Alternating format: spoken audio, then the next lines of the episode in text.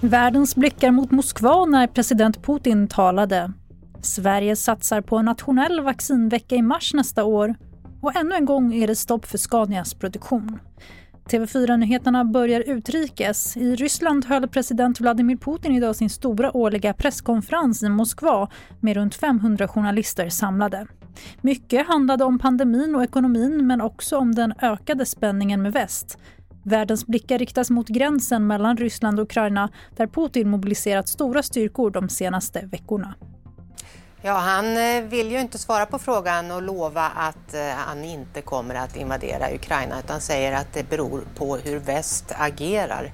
Eh, eh och han använder ordet att väst ovillkorligen uppfyller Rysslands säkerhetskrav som ju är en lång lista på att Ukraina inte ska få bli eh, NATO-medlem, att NATO överhuvudtaget inte ska expandera österut, att NATO ska sluta skicka vapen och eh, annan utrustning till eh, länder i östra Europa. Så att Ryssland sätter ju ner foten. Säger TV4 Nyheternas utrikeskommentator Elisabeth Ferrå.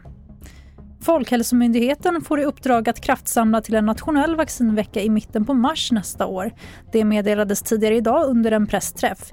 Syftet med veckan är enligt regeringen att samla ihop de som inte vaccinerats mot covid-19. Samtidigt säger man att 80 procent av landets vuxna befolkning ska ha fått erbjudande om en tredje dos vaccin under det första kvartalet 2022. Ännu en gång tvingas lastbilstillverkaren Scania att stoppa sin produktion på grund av komponentbrist, rapporterar Sveriges Radio Ekot. Tidigare under pandemin, senast i höstas, var det brist på bland annat halvledare och komponenter som satte käppar i hjulet för verksamheten.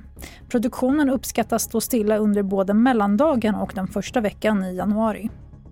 Och vi avslutar med sport. Kortbane-VM har gjort Sara Sjöström historisk. Med sina tre nya VM-guldmedaljer från Abu Dhabi har hon blivit den som fått kliva högst upp på pallen flest gånger någonsin bland svenska simmare i VM-sammanhang. Det blev totalt sju medaljer för Sara Sjöström och tolv för Sverige under kortbane-VM.